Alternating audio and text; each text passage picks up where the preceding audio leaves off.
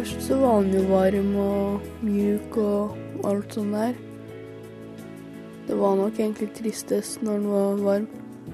Jeg tror jo det at eh, når kjæledyr dør, så, så er det omtrent det tetteste innpå døden eh, vi slipper unger. Tanker om hvordan vi kan trøste barn når kjæledyr dør, det får du ganske snart i denne utgaven av Mellom himmel og jord. Her i studio sitter Miriam Wiklund og byr på litt av hvert annet også. Blant annet om betydningen av å gi ros i hverdagen, og ikke minst kunsten å ta imot ros. For det viser seg at uansett hvor dyktige vi er, så går vi aldri mett av litt oppmuntring. Fantasi kan være til trøst for barn i sorg. Forfatteren vi skal møte nå, har diktet opp en himmel for døde kjæledyr. Men først en liten historie fra virkeligheten. Kollega Margrethe Nåvik forteller. En vinterdag for noen år siden så fant jeg familiens kanin død på gårdsplassen. Det lå et uh, tynt lag med nysnø på bakken, også på den hvite og grå og mjuke kaninen. Jeg børsta av snøen, løfta den opp og la den i en pappkasse med høy. Den var fortsatt god og varm. Etterpå ringte jeg på hos naboen for å varsle gutten min, som var på besøk der. Det var den dagen sorgen kom inn på gutterommet for første gang. Mm, og så tok jeg den ut av veska. Og så bare lå jeg og kosa med den i Jeg hadde den på fanget og Eller jeg la den tilbake i eska, og så hadde jeg den attmed hodet mitt når jeg la meg og sov. Først så var han jo varm og mjuk og alt sånt der. Det var nok egentlig tristest når han var varm. Fordi jeg husker at jeg skreik ekstremt mye, da. Og det var bare helt jævlig, egentlig. Men dagen etter så var han jo hard og stiv og Ja. Det var noe lettere å gi slipp på han, på en måte. Jeg tror det at eh, for veldig mange barn så er sorgen over et kjæledyr den er veldig nær. Det, jeg tror det er en av de få gangene at, at barn slipper tett innpå døden. Du kommer hjem, og så finner du i hamsterburet ditt en kald liten hamster. Mm. Og så får du lov å sitte og holde inn og være lei deg. Det er veldig, veldig nært. Ofte så holder vi ungene litt unna sorg. At det blir noen ting som ikke er så veldig håndgripelig, som ikke de får være med å se. Men eh, med dyr så er det litt annerledes. Og derfor så tror jeg at veldig mange husker den første sorgen over et kjæledyr. At det er en type sorg som treffer unger veldig, veldig. Og det var akkurat her det starta eventyret til Tone Almhjell. Kjæledyret hennes døde. Eh, hun het Gwen og var verdens fineste, tøffeste ørkenrotte. Hun brukte føttene mine som heis og var en liten utbryterkonge. Og var i det hele tatt veldig smart og veldig trivelig. Men et sånt lite ørkenrotteliv, det varer jo ikke så veldig lenge. Så en dag så måtte jeg ta med eh, Gwen til dyrlegen. Um, sånn at hun kunne få ei sprøyte. Og det syns jeg var egentlig forferdelig trist. Mm. Og ikke lenge etterpå så fikk jeg ideen til denne boka mi, 'Vindeltorn'. Tone dikta opp en verden hvor du finner alle døde kjæledyr som en gang har elska et barn. Boka hennes, 'Vindeltorn', som har hatt suksess i USA, er nå også i ferd med å treffe norske barn. Hvorfor denne eh, historien om kjæledyrenes liv etter døden treffer så hardt? Jo, det her kjenner ungene seg igjen i. Det her er spørsmål de ikke får svar på av oss voksne. Kaninen dør. Hva skjer så? Det er jo dem sjøl som kommer hjem fra skolen og finner hamsteren i buret. Eller de får lov å holde i kaninen mens de sovner inn. Og det er veldig konkret og veldig tydelig. Mm. Og derfor så tror jeg at den sorgen treffer ungene veldig hardt òg. Ja. Eh, fordi at de faktisk får lov å være med på alle delene av en. Det er rett og slett uh, håndgripelig mm. og veldig tett innpå. Så gutten min på fire år, han, Han har jo hatt en sånn periode der han var veldig opptatt av døden og spurt masse om døden.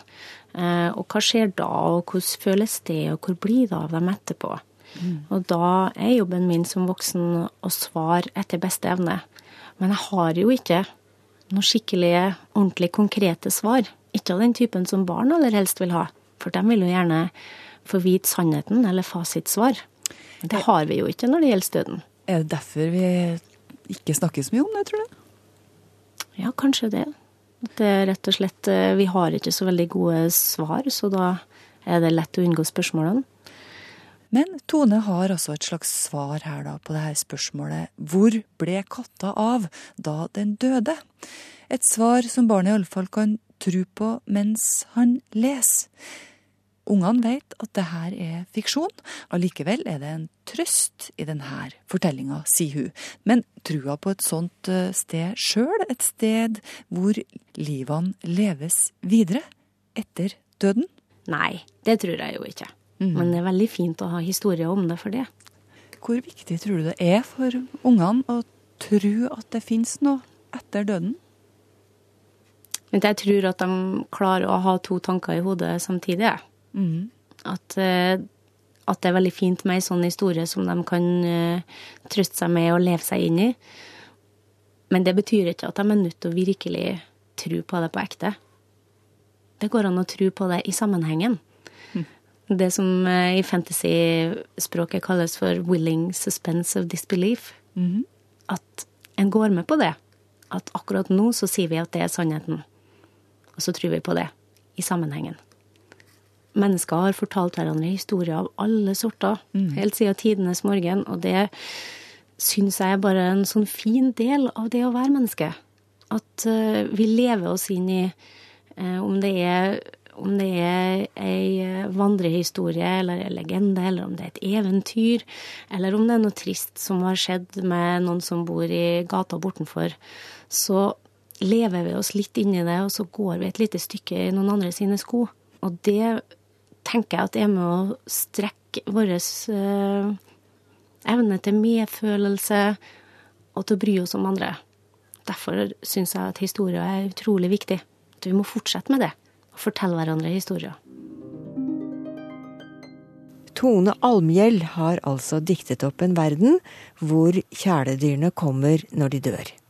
Boka til Tone heter Vindeltorn. Det var Margrethe Nåvik som snakket med forfatteren. Mellom himmel og jord. Og Så tar man da inn i en båt, og så reiser vi rundt i denne blå timen akkurat idet sola går ned. Og så tar han meg først inn i en grotte, og der er det ekstremt mye flaggermus. Han slår på lyset. Så sier han what, what gives it? Is this your life? Nei, sier jeg, dette er ikke mitt liv. Flaggermus var bare begynnelsen. Da Jarl Goli ble med en japansk buddhistmunk som ville vise ham bilder på sinnets mange irrganger.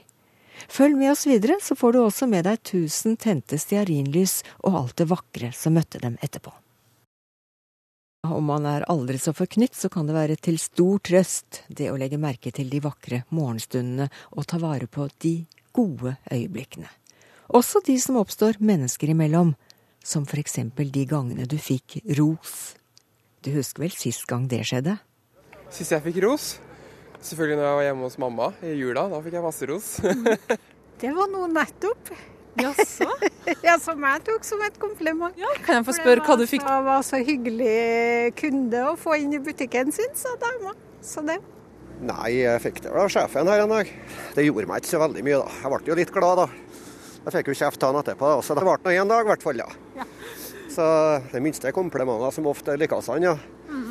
Så jeg blir da litt glad når jeg får kompliment, da. Det er jo, vi skal jo egentlig være litt flinkere til å gi det, da. Ja, men Vil du si at du er flink til å gi komplimenter og ros? Mm, jeg kunne vært enda flinkere. Det kunne jeg. Det var ikke meningen å gi deg dårlig samvittighet her. På gullbryllupsdagen min i jula, da fikk jeg en tale. Det var mannen min som sa veldig mye pent, mm. som jeg ikke var forberedt på. Hva gjør sånn komplimenter med deg? Tårene kom, og jeg ble veldig glad. Mm. Rørt. Ja. Gud, dette burde jo jeg kunne svart på med en gang Jeg sa det til morges at du var fin. Hva sa du? Jeg sa til Ingeborg i morges at hun var fin. Enn du, når kom ditt siste kompliment? Det fikk jeg faktisk i morges. Da fortalte jeg deg at hvis jeg ikke var den lykkeligste fra før, så var jeg det i hvert fall nå. Oi, oi, oi, det er såpass. Hva skjer når du får høre sånne ting? Nei, altså Jeg blir jo glad, da. Det er jo, det er jo eh, veldig positivt å høre sånne ting. Det hjelper veldig i hverdagen. Enn i dine andre miljø, hvordan er det der? Jo, det er jo Jeg jobber jo som instruktør. Jeg jobber jo av å skryte av andre, så det er Hva ser du at den skryten gjør med mennesker? Å, herregud. Det gjør jo alt med, med en person, ja. Så det er ekstremt mye. Vi har faktisk snakka om det sammen, at uh, vi skal være litt flinke til å gi hverandre komplimenter. Så vi har litt fokus på det. Mm. For å spørre hvorfor dere syns det er viktig? Nei, altså Det er jo veldig viktig for å gjøre hverandre glad. og Man må legge merke til hverandre i hverdagen for at uh, ja, man skal på en måte holde kjærligheten i live. Ja, komplimenter og ros har en god effekt. Reporter Kristin Norvoll Mork, som møtte folk i Trondheim sentrum, kommer snart tilbake med en forsker som skal gi oss flere gode grunner for å rose hverandre i hverdagen. Vi nærmer oss midten av januar, og denne måneden kan ofte være litt mørk og tung for alle og enhver. Men det fins en enkel oppskrift på hvordan vi kan bli i bedre humør, uten at det koster oss verken penger eller iherdig innsats. Det handler veldig mye om energi. Altså vi får ekstra energi og pågangsmot til å gjøre en ekstra innsats og til å og anstrenge oss mer. Hva snakker han egentlig om, Øyvind Kvalnes, filosof og førsteamanuensis ved Handelshøyskolen BI? Er det effekten av trening eller sunt kosthold? Eller prater han om konsekvenser av god økonomi? Nei, det er snakk om ros. Rett og slett skryt og komplimenter. Det er mye som tyder på at Eh, arbeidslivet går glipp av mye energi fordi vi er eh, litt gjerrige og reserverte med å rose hverandre og gi positiv tilbakemelding når eh, vi har gjort et godt arbeid. Hva er konsekvensene ved at vi er gjerrige, da? Nei, Hvis det er meg det gjelder, f.eks., så vil jeg jo lure på om folk har i det hele tatt har sett at jeg har stått på litt ekstra, eller at de, har lagt merke til eh, at jeg har vært eh, ekstra god i det siste. Jeg er veldig inspirert av en finsk filosof som heter Esa Sarin, som eh, har jobbet med dette temaet i lang tid. og Han setter litt sånn spøkefullt noen tall på dette her og sier at når vi er på det normale, så er vi på én. Og hvis vi ikke får noe oppmuntring, så er vi kanskje på 0,7, mens vi kan være på både 1,3 og 1,4 hvis vi får disse små tegnene på at noen verdsetter det vi gjør. Men ellers er det vanskelig å tallfeste det skikkelig. Men det er liten tvil om at hvis du da har en gruppe på ti personer, da, og så gjør det stor forskjell om alle er på 0,8 eller om alle er på 1,3 eller 1,4 i innsats og, og energi ros og komplimenter. Som du sier, det er ganske enkelt og ukomplisert. Hvorfor er vi gjerrige i møte med andre mennesker? Nei, Det er noe jeg ikke forstår. Jeg syns det er et mysterium at uh, vi vet etter hvert så mye om hva positive tilbakemeldinger kan gjøre med oss. Og likevel så bruker vi i ganske liten grad den kunnskapen. Så jeg forstår ikke det helt, fordi uh, her er det så mye å hente. Og det er også noe her med at det er ikke snakk om radikal endring på hvordan vi oppfører oss mot hverandre, men, men bare noen små knepp i retning av å anerkjenne og rose, så har vi noen ganske enorme muligheter til å, å skape energi. Så det skal så lite til. Sjøl om å gi ros kan være ganske enkelt, er det ikke alltid resultatet blir like bra. Det finnes faktisk noe som heter dårlig ros. Ikke bare løse og generelle ord, på en måte. Hvis du sier til noen at 'jeg syns du er så flink', så, så, kan det ofte være for generelt. At det ikke er tomme ord, men at uh, du kan uh, finne tilfeller hvor folk bruker smiger og smisk på en strategisk måte. da. De bruker ros på en strategisk måte, og en måte å komme seg opp og fram i tilværelsen på. God ros er, er konkret og innholdsrik eh, ros. Til å si at jeg, jeg syns du er flink til å forklare hva du holder på med, eller til å støtte kollegaer som trenger det, eller et eller annet annet. At de tilbakemeldingene er så konkrete som mulig. Vi får jo høre at unger trenger mye oppmuntring og ros, og jeg tror vi er ganske flinke til å liksom bygge opp eh, barn. Men mm. så blir vi voksne, og så blir det litt mer stilt. Altså, mm. Hvorfor trenger vi anerkjennelse, også som voksne, selvstendige mennesker? Det virker som vi tror at dette er noe vi vokser fra av oss, at vi trenger å bli sett. Men det er langt fra tilfellet. Jeg snakket med en uh, topptrener i fotball uh, for en stund siden, og han sa at etter sesongen så hadde en av hans mest erfarne spillere kommet bort til han og sagt du ser meg ikke lenger, du. Du har vært veldig frustrert og sagt at uh, dette hadde vært den kjipeste sesongen han hadde vært borti, fordi topptreneren ikke verdsatte eller la merke til det han holdt på med. Selv de mest erfarne er avhengig av daglig tilbakemelding på at de gjør et uh, godt stykke arbeid og møtes med respekt, og at de blir sett. Mm. Hvem er rosens største fiende? Ah, det var et uh, interessant spørsmål. Hva er rosens største fiende? Jeg tror kanskje at tilværelsen kan bli så hektisk noen ganger at allting går så fryktelig fort, og vi skal rekke over så enormt mye. og da er kanskje dette noe vi sparer inn på, fordi eh, det kan ta enda mer tid. Når vi ser på listen over ting vi skal rekke å gjøre i løpet av en dag, så er kanskje ikke det å gi folk rundt oss ros en av de tingene vi setter opp på den listen. Da. Hvordan kan vi bli bedre på det her? Hva er gode øvelser eller råd som du kan komme med for å gjøre oss flinkere til å oppmuntre hverandre? Eh, jeg syns det er litt morsomt å tenke at vi kan gjøre bitte små eksperimenter selv. Eh, vi kan bestemme oss for at eh, i løpet av denne dagen her så skal jeg gi konkret ros til tre personer, f.eks., og, og se hva som skjer. Så det blir et slags filosofisk, psykologisk eksperiment. Da. Og det, det går det fint an å gjøre, og, prøve å legge merke til Eh, selv også hva slags eh, effekt har det når vi gjør dette her. Så dette her går det an å bli god på. Det går an å trene på det og bli bevisst på det. Eh, men da er det om å gjøre at det ikke blir bare tomme floskler. Jeg blir sjøl inspirert til å øve meg. Hvem kan jeg gi ros som fortjener det? Jeg kommer på at en kollega gjorde forberedelsene til et litt viktig studiointervju som jeg skulle ha i romjula. Det gikk veldig bra, men takka hun egentlig godt nok for det solide forarbeidet? Jeg setter meg ned og skriver en e-post til hun med en gang. Og jeg prøver å være konkret i tilbakemeldinga. I løpet av helga får jeg svar. Dette var så utrolig koselig å få! Tusen takk! Yes! Det hadde en effekt. Så enkelt, men likevel så tilfredsstillende.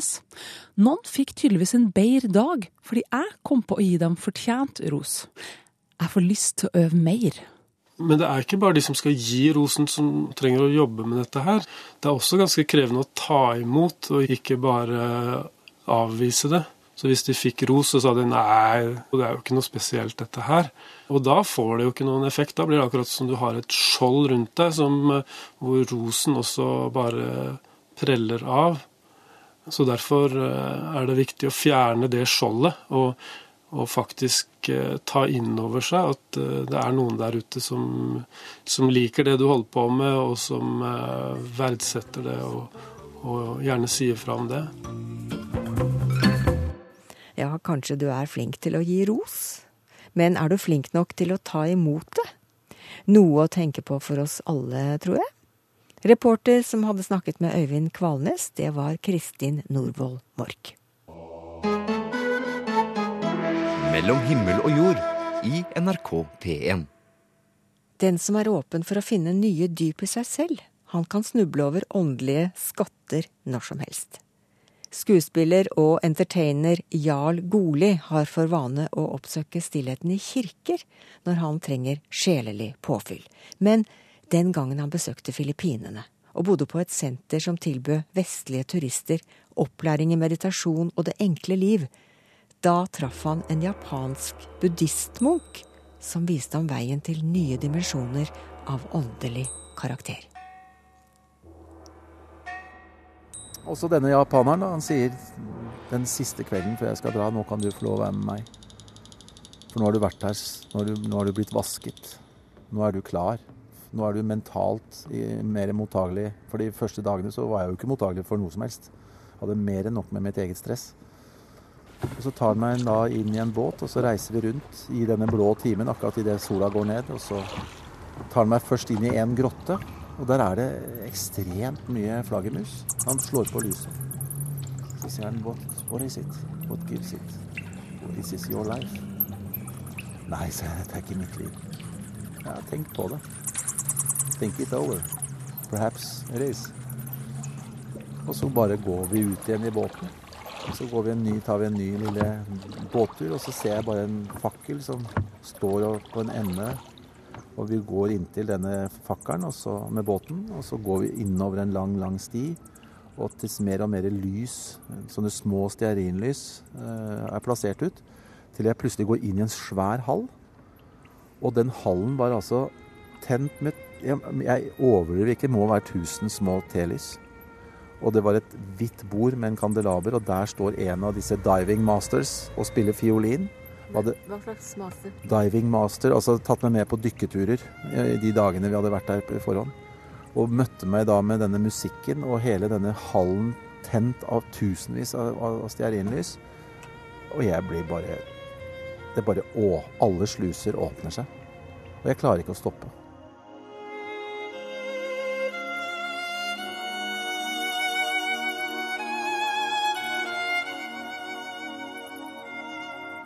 For jeg tenker så mye kjærlighet kan et menneske bli møtt med. Og jeg tenker for alt det de har gjort for at jeg skal ha denne opplevelsen. Så du gråt rett og slett? Jeg, jeg, jeg, jeg klarte ikke å stoppe. Og denne japaneren sa jo nettopp det som er hensikten. Det er derfor jeg har tatt det med hit. For å rense ditt sinn, rense deg, gjøre deg tom. Gjøre deg hel. Og da må du faktisk slippe sorgen. Må du slippe alt av flaggermusvinger og alt det som er støyen sant, i livet ditt. Og jeg syns det var litt pinlig. Stå der en diger mann på to meter og hulke liksom som en liten unge. Men så var det greit. Og så satte vi oss ned, og så hadde vi den middagen. Og den samtalen med han da, de fire timene vi satt der, det ga meg noen refleksjoner i forhold til meditasjon. Og noen teknikker som jeg bruker. Og de har hatt stor glede av. Men hvor, hvor var det dette stedet lå? Eh, utenfor Manila, Filippinene. Club Noa Isabel. Hvis du googler på det, så vil du finne et, et vakkert sted med en, eh, et, et, kors på en høyde. Og stedet er der fortsatt. Et kors? Så det var et eh, kristent symbol? Ja. ja men, så det var ingen buddhisme der? Nei. Men eh, det han representerte, var en eh, tilnærming til buddhismen som for meg holdt. Så det var en blanding av buddhisme og kristendom? Ja, for alle ismene og oner Alle ismer og oner har noe felles. Mm -hmm. Og alle ismer og oner har faktisk et felles språk. Og da er vi tilbake igjen til kjernen nåden. Det finnes mye nåde i buddhisme, for den som ser. Det finnes mye nåde i også andre religioner enn den kristne. Hva er nåde, da? Nei, hva er det? Det er det du må finne. Ved at du eh, søker. Men da må du søke. Og hvis du leiter, så finner du det. Det er kanskje nåde god nok. Har du søkt og funnet, og så er du ferdig med å søke? Nei, det er nettopp det. Jeg har fått en lille nøkkelen. Jeg har sett inn i nøkkelhullet, så jeg har blitt enda mer nysgjerrig. Så jo, det er jo først nå jeg har begynt å leite. Det er jo først nå jeg har begynt å leite.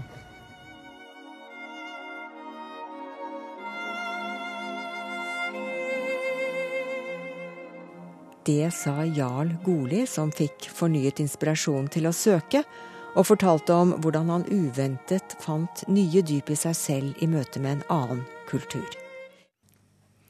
I fjor ble det for første gang arrangert en ren filosofisk konfirmasjon her i Norge.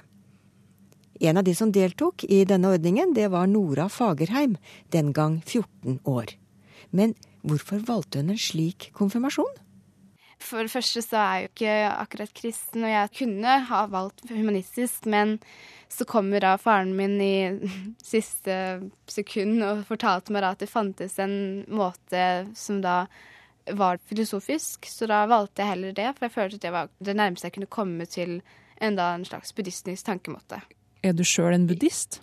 Ja, jeg er det, faktisk. Det er jeg, men det er ikke egentlig en offisiell buddhist. Jeg har jo ikke hatt en mester eh, ennå, men eh, jeg tror på den buddhistiske troen, i hvert fall. Og så ble det sånn at gjennom fire lørdager i løpet av våren 2013 tok Nora turen helt fra Arendal og opp til Eidsvoll, der hun og ei anna jente fikk undervisning av Arian Schjelderup, magister i filosofi, som sammen med mannen sin driver selskapet Barn- og ungdomsfilosofene, og ansvarlig for denne filosofiske konfirmasjonen. Så hver gang vi var der, så tok min lærer for seg da noen viktige spørsmål fra store filosofer, og litt hva de mente. Men vi gikk også litt i dybden på oss selv, fordi at filosofi handler ikke bare om fakta, om hva andre mener, men også hva du selv mener. Så hun ville da prøve å få oss til å forstå da oss selv ved å spørre veldig filosofiske spørsmål. Jeg skulle blant annet eh, finne litt mer ut om sjelen min, fordi mange har jo forskjellige teorier om hva en sjel er hva er min sjel? Hva mener vi hvis noen sier ordet sjel? Og da kommer jo jeg med til det svaret at sjelen er personligheten din, og da ubevisstheten din. Men eh, det er opp til hver enkelt person om hva de føler. Det er på en måte individets svar, for å si det sånn. Ja, Så du følte ikke at du måtte finne et rett svar når du holdt på med denne undervisninga? Nei, og det var faktisk eh, læreren vår Arianne veldig, veldig bestemt på. Det er ikke noen rett eller riktig svar, men det er altså da ditt eget svar som teller. Mm. Hvilke spørsmål var de mest utfordrende, syns du? De vanskeligste spørsmålene, det var vel de som innebar oss selv. For veldig mange ville nok tro at det ville vært motsatt, at de faktaspørsmålene ville vært de vanskeligste. Men det var det altså ikke. Fordi at de om oss selv, det er det ingen andre som har svart på. Vi må komme opp med et uh, svar som vi ikke kan lese oss opp på. Men 18. mai 2013 var konfirmasjonstida over, og Nora hadde sin filosofiske konfirmasjonsfest. Det var ingen forbundshandling, ingen tekstopplesning, men en helt egen filosofisk vri på det hele det varte ca. 20 minutter. Så først så fortalte hun litt om hvordan vi har gjennomført denne undervisningen. Men så gikk vi da videre litt inn på meg selv-området. Hun stilte meg ganske store spørsmål om um, sjelen og personlighet. Og litt i dybden i de spørsmålene da, som jeg skulle svare på. Hvordan var det å svare på sånne litt dype spørsmål om seg sjøl? Foran alle de her menneskene? Jeg fikk faktisk eh, litt panikk, for å si det sånn, for jeg fikk jo ikke et svar med en gang. Filosofi er jo noe man må tenke over veldig lenge. Jeg var ikke sånn som Sokrates som hadde et svar til alle tider. Jeg tror ikke han hadde det heller. Først så stilte meg spørsmål, så var jeg litt stille til henne, for jeg måtte tenke. Jeg måtte eh, fordøye disse spørsmålene. Så kom jeg da med et svar. Men jeg følte ikke noe personlig ved disse spørsmålene, selv om det var om meg selv.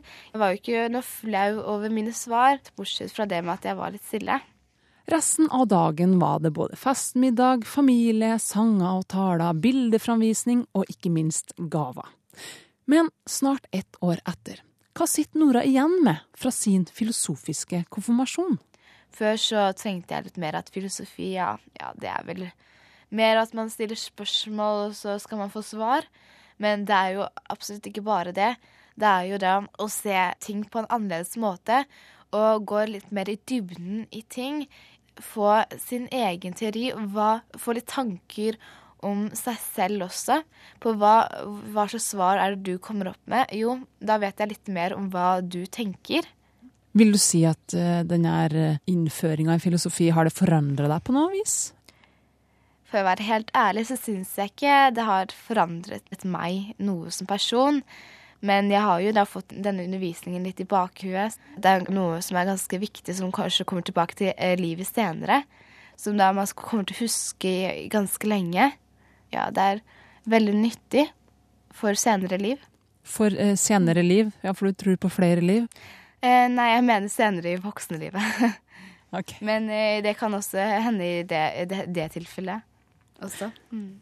Ja, hun virker som hun står godt rustet for både dette livet og eventuelle senere liv, 15-åringen Nora Fagerheim. Norges første rene filosofiske konfirmasjon ble altså arrangert sist vår, i regi av Barne- og ungdomsfilosofene, eller BUFF som de kaller seg. Reporter i denne saken var Kristin Norvoll Mork. Jeg heter Miriam Wiklund og ønsker deg en herlig søndag. Send oss gjerne noen ord Himmel og jord, krøllalfa, nrk.no. Eller send brev i posten. Mellom himmel og jord, NRK 7005, Trondheim. Ha det fint.